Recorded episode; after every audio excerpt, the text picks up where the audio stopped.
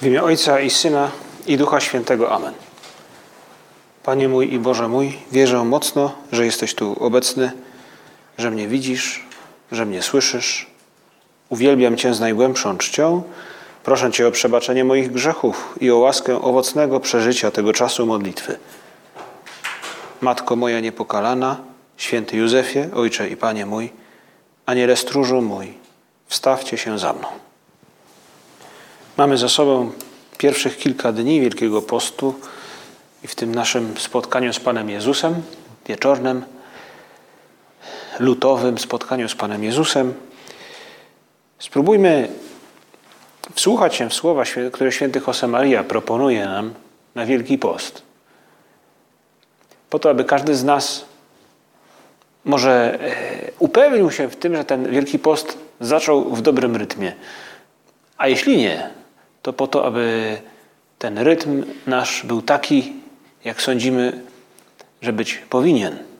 Gdyby okazało się, że być może trochę zaspaliśmy w tym wielkopostnym wysiłku i staraniu.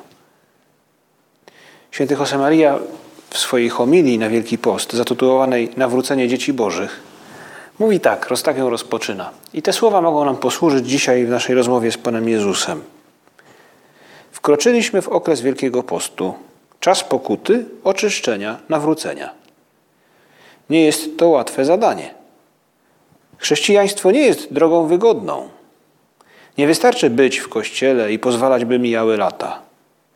W naszym życiu, w życiu chrześcijan, pierwsze nawrócenie, ta jedyna w swoim rodzaju niezapomniana chwila, w której dostrzega się wyraźnie wszystko, co nas prosi Pan, to pierwsze nawrócenie jest ważne. Jednak jeszcze ważniejsze, jeszcze trudniejsze są kolejne nawrócenia. Żeby ułatwić działanie łaski Bożej w tych kolejnych nawróceniach, trzeba zachować młodość ducha, wzywać Pana, umieć słuchać, odkryć, co jest nie tak, prosić o przebaczenie. I na początku tego Wielkiego Postu dobrze byłoby, aby każdy z nas postanowił sobie wykorzystać te dni właśnie w tym celu, by raz jeszcze w swoim życiu się nawrócić. Pomóż nam, Panie Jezu, to zobaczyć, poczuć także i wyciągnąć konsekwencje. My nie chcemy tylko bytować jako chrześcijanie. My chcemy się rozwijać.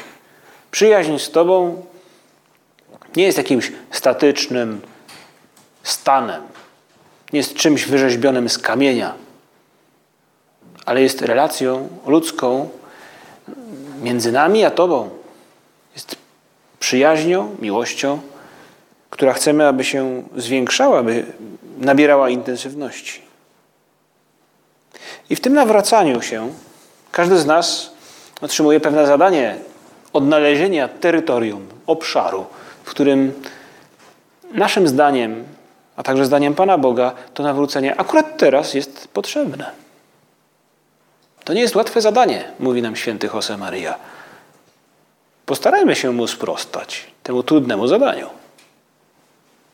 I prośmy o to teraz właśnie Pana Jezusa, kiedy jesteśmy blisko Niego w tabernakulum.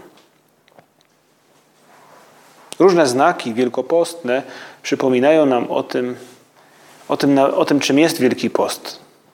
Że jest właśnie takim nawróceniem, że jest pewnym wysiłkiem, który skutkuje w nas pewnym przyznaniem Panu Bogu racji. Odkryciem na nowo, na przykład, bądź też przypomnieniem sobie pewnych prawd, pewnych faktów miłości Bożej tak naprawdę i zobaczeniu w tym świetle naszego życia i przyznaniu, tak, Panie Boże, masz rację. Pomyślmy sobie, ile w takich ludzkich, zwykłych, codziennych relacjach, yy, ileż zmienia, kiedy dwie osoby yy, przyznają sobie rację, prawda? Albo gdy ktoś jest trochę taki zacietrzewiony, no, można powiedzieć, że my Polacy mamy do tego jakiegoś rodzaju smykałkę, prawda? Takiego no, dwóch Polaków, trzy opinie. E, trudno jest nam czasem, no często tak trochę pod włos idziemy, po prostu z przekory, bo, bo czemu by nie? No, ktoś inaczej, no ale ma rację, ale tak trochę pod włos, a dlaczego, a tego. Marudzimy, narzekamy. I ileż takich, takich nerwowych trochę sytuacjach zmienia powiedzieć, dobra, niech będzie. Dobra, masz rację, faktycznie opada ciśnienie i ileż dobrych rzeczy udaje się razem zrobić wtedy. ale także duchowo. Pewne przyznanie racji Bogu, a także faktom, rzeczywistości pomaga nam duchowo wzrastać, być lepszymi. Dlatego właśnie Wielki Post pomaga nam nie uważać siebie za nadmiernie ważnych. Różne praktyki wielkopostne, pokuta, modlitwa, jałmużna, także ten popiół z środy popielcowej, także fioletowy kolor, który powstaje ze, zmieszaniu, ze zmieszania czerwonego i niebieskiego, a więc kolorów, które symbolizują ciało, zmysły i ducha. Te różne znaki wielkopostne mówią nam właśnie o tym, że coś w nas duchowo także może się zmienić. Czasem poprzez zmysły to nawrócenie dotrze do naszego wnętrza. Nastawimy je odpowiednio, w pewien sposób zapominając o sobie, w pewien sposób nie uważając siebie za najważniejszy, po to, by łaska krzyża i zmartwychwstania za te 40 dni spenetrowała dużo głębiej naszą duszę niż teraz. Klasycznie to nawrócenie wielkopostne opisywane jest w liturgii w historii Jonasza, proroka Jonasza. A może nawet nie do końca jego, tylko w historii tych ludzi, do których został posłany. Bo historia Jonasza w ogóle jest mm, fantastyczną historią, nadającą się pewnie na jakiś film. Yy, nie brakuje w niej też i humoru, poczucia humoru, bo Jonasz, no powiedzmy sobie szczerze, początkowo nie ma ochoty iść, nawracać Niniwę. Może dlatego, że, że, że to miasto miało złą sławę. E, no, nie na darmo to, co głosi jej Niniwie, to jest, że jeszcze trzy dni, a zostanie zniszczone. E, więc pewnie e, nie było to łatwe udać się tam. I dlatego ucieka, to jest cała historia jego ucieczki. W końcu w jakiś sposób sam Jonasz się nawraca. I gdy Bóg mówi mu powtórnie, idź wreszcie do tej Niniwy, Jonasz idzie. I tak słyszeliśmy dzisiaj w czytaniu na mszy świętej. Pan przemówił do Jonasza po raz drugi tymi słowami: Wstań, idź do Niniwy, wielkiego miasta, i głoś jej upomnienie, które ja ci zlecam. Jonasz wstał i poszedł do Niniwy, jak powiedział Pan. Niniwa była miastem bardzo rozległym, na trzy dni drogi. Poszedł, poszedł więc Jonasz iść przez miasto jeden dzień drogi i wołał i głosił: Jeszcze czterdzieści dni, a Niniwa zostanie zburzona. I tak przynajmniej się wydaje, że nawet tych trzech dni nie musiał przez Niniwę przechodzić, bo już ta wiadomość się rozprzestrzeniła. I uwierzyli mieszkańcy Niniwy Bogu, ogłosili post, oblekli się w wory, nawrócili się. Niniwa się zmieniła. Właśnie Niniwa, mieszkańcy Niniwy słuchają Jonasza, reagują szybko i się zmieniają, nawracają się. Może właśnie dlatego liturgia na początku Wielkiego Postu ten przykład nam podaje. Taki dosyć ekstremalny, bo widać, że tam ciężko było w tej Niniwie. Niejedno mieli mieszkańcy Niniwy za uszami. Ale potrzebowali jakiegoś budzika, żeby się obudzić, żeby spojrzeć trochę gdzie indziej, podnieść wzrok z nad swoich jakichś spraw, swoich zachowań i żeby zrozumieć. Dla nas takim budzikiem są różne praktyki wielkopostne, które w Kościele od wielu wieków praktykujemy. Post, umartwienie, modlitwa, jałmużna. Szczególnie te, które dotyczą naszych zmysłów, sprawiają, że przez zmysły do naszego ducha wkracza pewnego rodzaju dyspozycja. No taka jest tajemnica człowieka, konstrukcji człowieka jako istoty duchowo-cielesnej. Często przez zmysły do, naszych, do naszego ducha, serca wkrada się to, co dobre, albo to, co złe. W tym przypadku poprzez odmówienie sobie pewnych rzeczy, poprzez oderwanie, poprzez odczuwanie, że czegoś mi brakuje, w naszej duszy rodzi się dyspozycja, pewne zrozumienie, że Bóg sam wystarczy. To jest właśnie to odkrycie, że Bóg sam wystarczy. Panie Boże, masz rację. Tak jak przyznajemy jakiemuś znajomemu, Zdzichu, masz rację. Krzychu, masz rację. W pewnym sensie jest to przyznać, masz rację, nie jestem najważniejszy, nie jestem centrum wszechświata.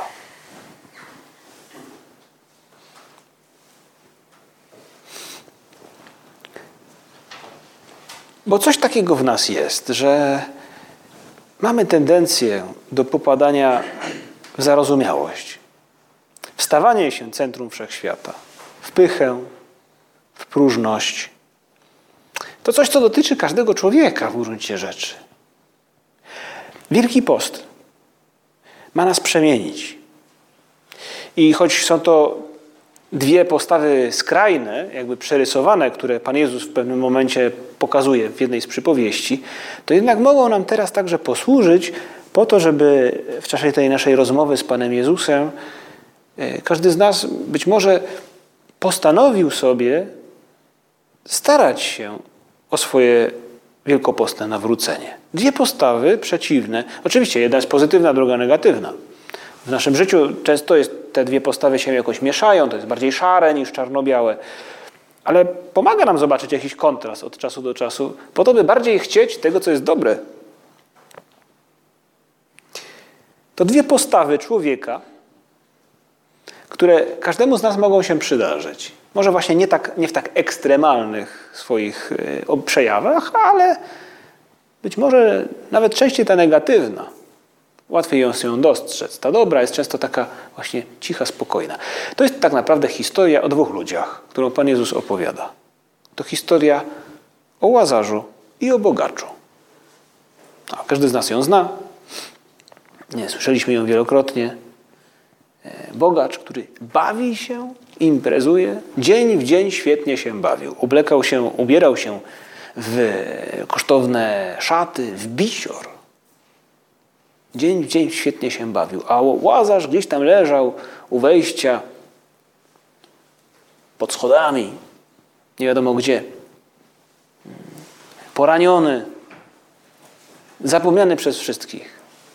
Ale tu właśnie łazarz w tej historii, którą Pan Jezus opowiada, trafia e, do nieba, a bogacz do piekła. To dwa spojrzenia, jakby dwa oblicza bogacza i łazarza, biedaka. Taki dobry biedak, ten łazarz. W tej historii y, no nie ma wątpliwości, jak człowiek ją czyta czy słucha jej, y, cała sympatia człowieka staje po stronie łazarza, a na bogacza to człowiek wręcz się, wręcz się obraża. No nic dziwnego.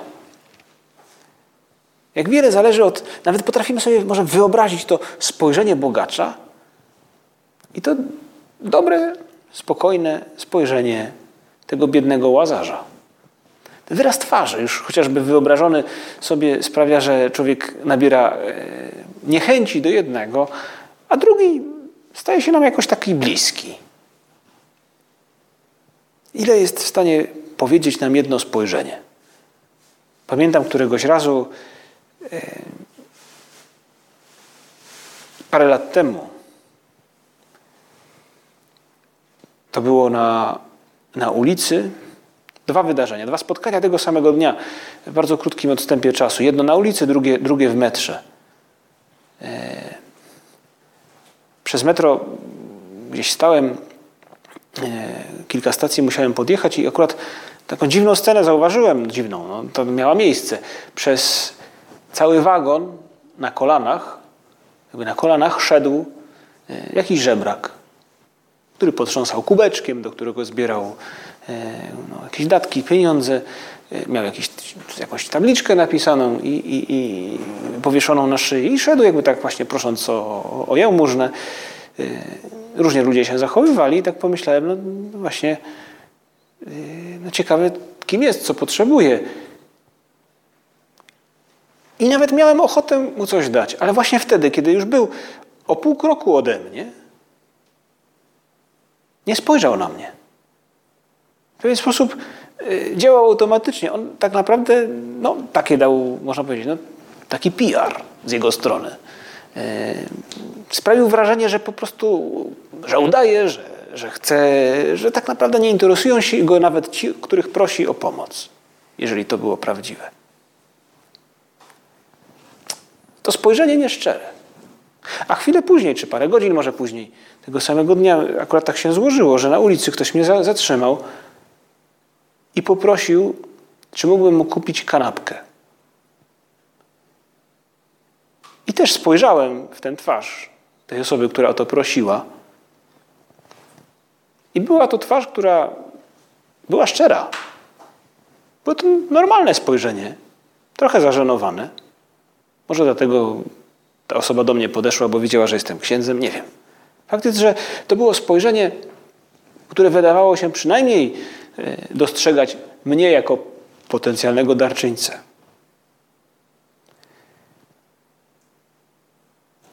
Dwóch biedaków. Jeden dobry, a drugi przynajmniej brakowało mu szczerego spojrzenia. Dla nas tym dobrym biedakiem bez wątpienia jest ten, ten łazarz, który, który trafia później do nieba. W tej historii on posiada imię, a bogacz nie. Bogacz nie ma imienia, jest anonimowy. Zresztą samo imię Łazarz oznacza Bóg pomaga. On w tej historii, ten dobry człowiek, ten Łazarz, ma jakby określone rysy, ma pewną historię, smutną, ale jednak, ale bogacz go nie dostrzega. Bogacz jest człowiekiem zapatrzonym w siebie, jakby tym, który uważa, ja mam rację, ja jestem centrum wszechświata. A Łazarz nie ma komu zaufać, nie ma na kogo liczyć. To człowiek, który liczy tylko i wyłącznie, może liczyć tylko i wyłącznie na Pana Boga i faktycznie tak jest.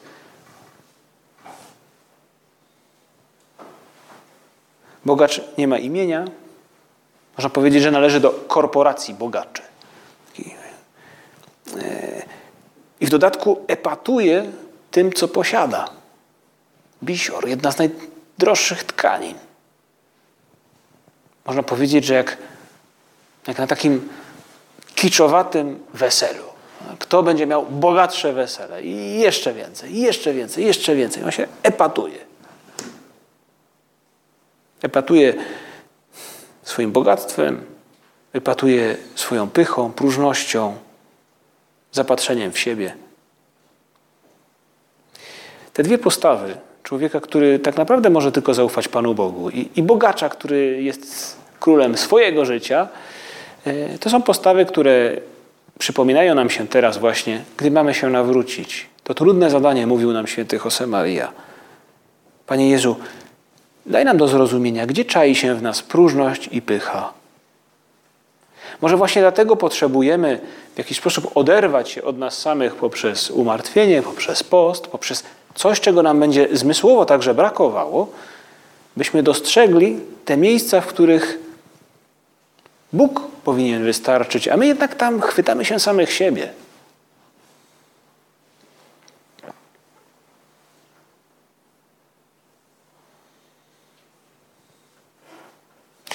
Próżność to te chwile, kiedy sycę się samym sobą. Kiedy skupiony jestem na moich, na moich sprawach, na tym, jak wyglądam. E, kiedy dbam ponad miarę to, o, o to, jak odpoczywam, co robię. Dbam o moje plany i planiki. Pycha.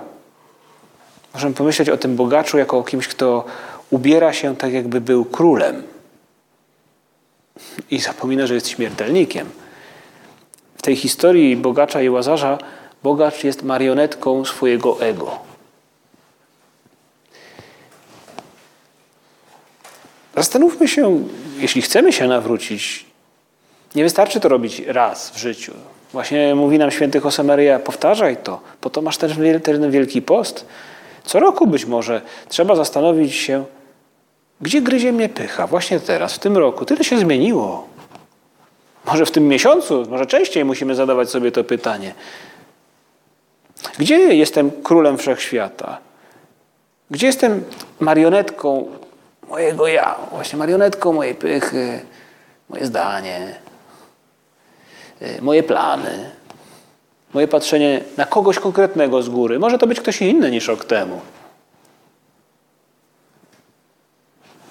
Jest taka myśl, punkt w bruździe tej książce świętego Jose Marii, który jest dosyć długi, ale który wymienia bardzo konkretne przykłady pokory czy braku pokory, pychy czy braku pokory. To to samo w gruncie rzeczy. Pozwól, że przypomnę Ci między innymi kilka oczywistych oznak braku pokory. Myśleć, że Twoje czyny i słowa są lepsze niż to, co mogliby uczynić lub powiedzieć inni. Pragnąć, aby zawsze wyszło na Twoje. Dyskutować bez racji lub kiedy ją masz, nalegać z uporem czy w niewłaściwy sposób. Pogardzać punktem widzenia innych. Stawiać siebie za przykład. Usprawiedliwiać się, kiedy Cię upominają. Szukać lub pragnąć wyróżnienia. To tylko kilka przykładów, bo tak człowiek to czyta. Ktoś mi kiedyś powiedział, a wiecie co, ja to tak czytam, czytam i przy każdym bym mógł postawić takie, że tak, tutaj tak, i tutaj tak, i tutaj tak, kurczę, we wszystkim tak. Ja w to pyszny jestem.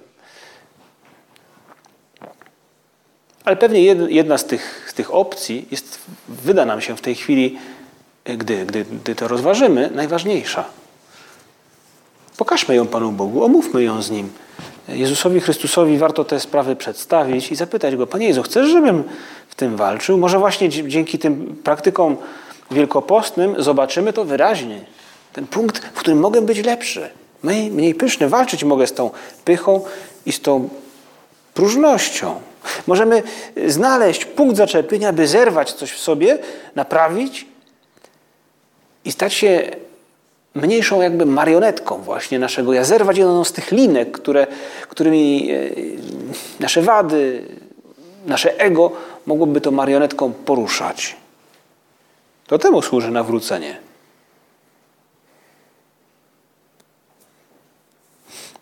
To zapatrzenie w siebie jest to grzech, a więc pycha w tym przypadku, czy próżność. Grzech nas zaślepia. Oderwanie umartwienia, postu sprawiają, że odzyskujemy wzrok. Odkrywamy piękno innych osób. Bogacz nie widzi, nie dostrzega Łazarza, nie istnieje. Może kiedyś go widział. Choć historia tego nie opowiada, Łazarz z pewnością wiek to przechodzi obok tej jego kryjówki, czy tego schowka, w którym się znajduje, bramy pałacu. Ten sympatyczny łazarz dla nas jest drogą. Nie poprzez te rany, które go pokrywają, nie o to chodzi, ale jednak o taką postawę człowieka, który potrafi zaufać Panu Bogu, oprzeć się na nim, a nie na własnym ego. Do temu służą post i umartwienie. Każdy z nas może stać się takim sympatycznym łazarzem. O to Cię, Panie Jezu, prosimy. Pomóż nam takimi się stać. Pomóż nam z jednej strony to, to, do tego dążymy, by odkryć ten punkt, w którym możemy się nawrócić, ale pomóż nam też e, tak wybrać sobie taki zestaw, taki kit wielkopostny, właśnie tych praktyk, które to spojrzenie, to odkrycie e, miejsca do nawracania się mm, nam w jakiś sposób umożliwią. Może warto sobie dziś postanowić, e, wybrać jakieś z tych umartwień, właśnie post nawet. No nie taki pewnie całkowity, o chlebie i wodzie. Znam takie osoby, które postanowiły sobie e, kiedyś, że będą właśnie pościć, ale takie zero. No tylko wodę pić. No i, i, i raz, że przez ten dzień trudno im było cokolwiek innego zrobić niż pościć. Więc można powiedzieć, że to trochę post odwiódł ich od, od ich pracy czy ich codziennych zajęć. E, taki ekstremalny. A druga rzecz, że po paru godzinach zaczęło się oczekiwanie do północy, bo to było od północy do północy. Minęła tylko północ i już pojawiło się e, jakaś tam, jakieś tam jedzenie oczywiście. Więc Przynajmniej w tej historii, pewnie są inne, ale w tej historii miało to średni sens. Ale my możemy sobie postanowić jakiś, jakiś rodzaj postu. To może być post od internetu, od wiadomości w internecie, e, jakiś post od muzyki. Prawda? Mogę przejść jakiś fragment mojej drogi stąd tam do sklepu, e, czy gdzie indziej, no właśnie bez muzyki. Normalnie słucham. A w Wielkim Poście może powiem sobie, a nie będę słuchał. Albo może to będzie post od keczupu, od cukru, od kawy jakiejś, może tej konkretnej, którą gdzieś w ciągu dnia e, prawda, zawsze spożywam, wypijam. To może być post od Nutelli. W przypadku studentów chyba najtrudniejszym postem byłby post od kurczaka. Kurczak jako podstawa wyżywienia studenta. To byłby post ekstremalny. Ale każdy z nas jakiś rodzaj postu może praktykować bez, z normalnością, nie zachowując się e, dziwacznie, z naturalnością, dyskrecją. Ja czasami czegoś sobie odmówię, a to tego, a to tamtego, albo zawsze tego samego. Takim oderwaniem są też umartwienia, które umilają życie innym. Rezygnacja z własnego zdania na przykład, po to, żeby się z kimś nie pokłócić, żeby wyszło na jego. Dostosowanie się do czyjegoś planu. Niezłym umartwieniem jest uporządkowanie rzeczy, które teoretycznie powinien uporządkować ktoś inny. Albo bo to jego dyżur, bo to jego sprawa, bo to. Zrobię to za niego, bo pomogę mu chociażby. Nie da się ukryć, że wymaga to pewnego oderwania się od swojej wygody, swojego czasu. Ale to jest właśnie umartwienie, to jest droga Wielkiego Postu, dzięki której możemy odkryć, przyznać Panu Bogu rację. Nie jestem najważniejszy. Inni i Ty, Panie Boże, macie rację. W tym pomaga nam także nastawienie na dobro innych ludzi, na przykład odwiedzenie kogoś, kto może jest chory albo czegoś potrzebuje. Pamiętam, jak na jednym z wyjazdów wolontariackich trafiliśmy, niektórzy może z tu obecnych tam byli, trafiliśmy do domu opieki społecznej, gdzie właśnie odwiedziliśmy no, osoby jakby umysłowo upośledzone. Mniej lub bardziej. I przy wejściu e, siedziało właśnie kilku tych pensjonariuszy, tak, o kilka osób, które tam mieszkały. E, widać w takiej lepszej formie, był z nimi całkiem niezły kontakt. E, tam siedziały i grzały się na, na słoneczku, na ławeczce. I, I, pamiętam, że gdy wysi, wy, wyszli, wychodziliśmy, ktoś z, z, obecnych zrobił jakiś żart, czy to powiedzieliśmy komuś tam do widzenia, czy coś w tym stylu i, i ktoś zrobił jakiś żart i jedna z pań, która siedziała tam na tej ławeczce, powiedziała: Śmiejcie się, śmiejcie, wy też tu kiedyś traficie.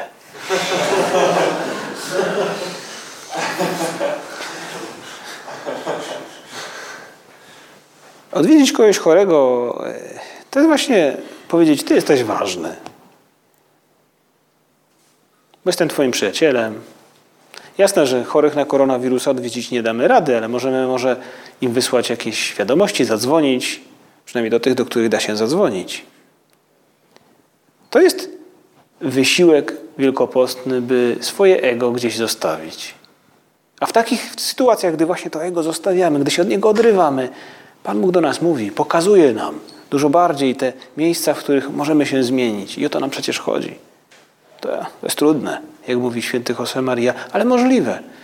I dziś od każdego z nas zależy, czy za to się zabierzemy, Prośmy Maryję na koniec, która jest matką pokornych i pokutujących. Matko nasza, pomóż nam stać się bardziej podobnymi do Ciebie. Pomóż nam stać się takimi, którzy pozwalają łasce Bożej wydobyć z człowieczeństwa to, co najlepsze. Pomóż nam się nawrócić, po to, by bardziej kochać innych ludzi i Twojego Syna. Dzięki Ci składam, Boże mój, za dobre postanowienia, uczucia i natchnienia, którymi obdarzyłeś mnie podczas tych rozważań. Proszę Cię o pomoc w ich urzeczywistnieniu. Matko moja niepokalana, święty Józefie, Ojcze i Panie mój, Aniele stróżu mój, wstawcie się za mną.